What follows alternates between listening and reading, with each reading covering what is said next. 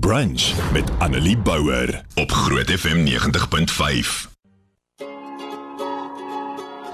So soos ek vroeër gesê het, kyk ons vanoggend so 'n bietjie na Kolossense 2 vers 6 en 7 en dit sê soos julle dan in Christus Jesus die Here aangeneem het, wandel so in hom gewortel en opgebou in hom en bevestig in die geloof soos julle geleer is terwyl julle daarin oorvloedig is in danksegging.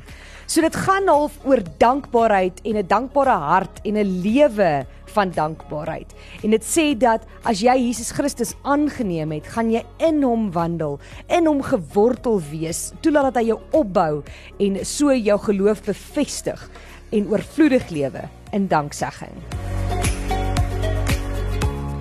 Nou om 'n lewe van dankbaarheid te lewe of 'n dankbare hart te hê, is 'n keuse wat 'n mens maak. En dis nie altyd maklik nie. Inteendeel, ek dink om 'n dankbare hart te hê en 'n lewe van dankbaarheid te lewe is een van die moeilikste dinge om te doen. Want ons is mense en natuurlik is daar slegte dinge wat in die lewe gebeur.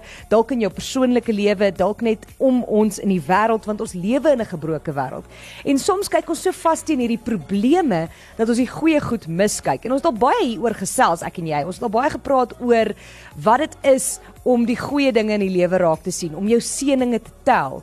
En nou beweeg ons net so 'n stappie verder deur te sê dit kweek 'n dankbare lewe. Nou soos ek sê, dit kom nie van self nie. Dit is 'n keuse wat 'n mens maak, maar daar gebeur verskeie buitengewone dinge met ons wanneer ons besluit besluit om altyd dankbaar te wees. 'n Lewe van dankbaarheid en 'n dankbare hart kweek positiwiteit, geluk en 'n meer sorgvrye lewe. Nou ek het so 'n paar punte wat gebeur wanneer ons die keuse maak om in dankbaarheid te lewe. So nie net loof en prys ons God en is ons dankbaar wanneer ons 'n dankbare lewe het en 'n dankbare hart nie, maar dit veroorsaak ook positiewe dinge in ons eie lewens. Eerstens, het die krag van 'n dankbare hart weerhou jou van die vernietigende invloede van bitterheid.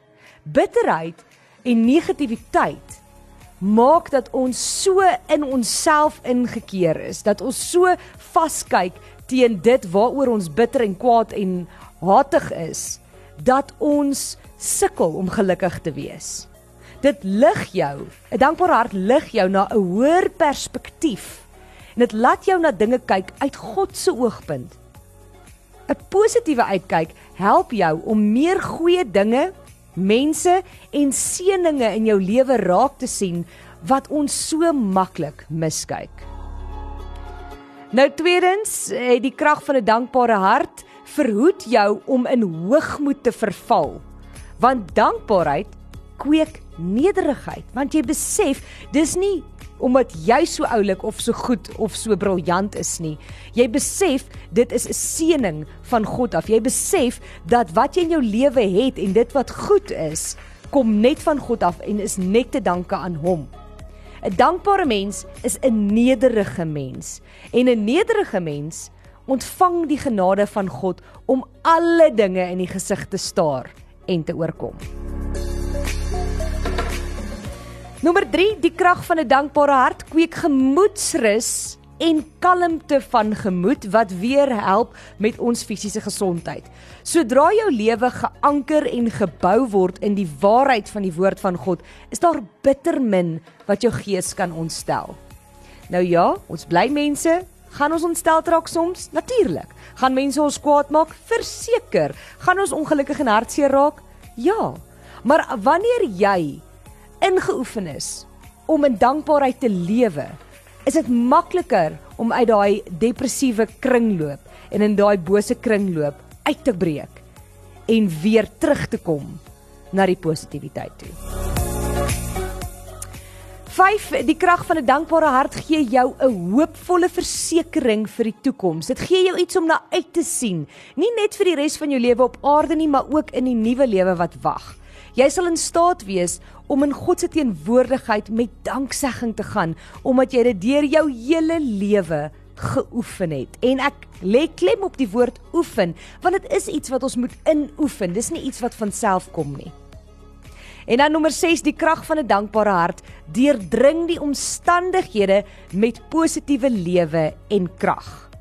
Jou uitkyk vanuit geloof bekragtig die mense rondom jou. Hulle wat moontlik nie 'n duidelike blik op die omstandighede rondom hulle het nie. Jou positiewe en dankbare ingesteldheid verlig hulle donker oomblikke soos Paulus en Silas met hulle lofsange in die tronk in Filippi die gemoed van ander gevangenes gelig het. En laastens, die krag van 'n dankbare hart vereer God. Dit waag om verby dit te kyk wat voor die hand liggend is en na die werklike te kyk. Omstandighede mag dalk donker wees, dinge mag dalk sleg wees, jou ekonomiese omstandighede mag moontlik op die rand van 'n ineenstorting wees. Alles mag dalk hopeloos lyk, maar God is steeds in beheer. En met 'n dankbare hart en met 'n dankbare lewe en met danksegging sien ons God makliker in ons omstandighede raak. Jesus word in kennis gestel dat Lazarus siek is. En dan kyk wat sê hy in Johannes 11 vers 4.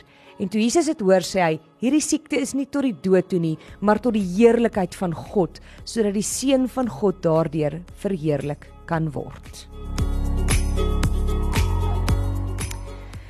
Ek het baie van hierdie raak gelees uh, op 'n webtuiste, so baie dankie aan Kobus uh, wat dit wat daai webtuiste gemaak het, maar dit het my net weer laat besef dat hierdie sorgvrye lewe wat dit lyk asof party mense lewe. Daai mense wat lyk asof hulle alles maklik in die lewe regkry, daai mense wat altyd gelukkig is, selfs in slegte omstandighede die positiewe raak sien, wat altyd dankbaar en nederig is. Dit is mense wat in hulle geloof in God so sterk staan en so ingeoefen is om met 'n dankbare hart na die lewe te kyk dat hulle makliker verby die sleg kyk. Beteken dit daar is nie sleg in hulle lewe nie? Nee. Beteken dit hulle word nie ook getref deur swaar kry nie? Glad nie.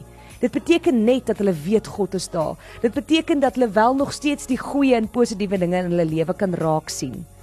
En dit beteken dat hulle hulle self geestelik en fisies kan sterk hou deur daai dankbare hart en daai positiwiteit. So mag jy jouself leer om die om dankbaar te lewe, om 'n dankbare hart te hê. Mag jy dit inoefen.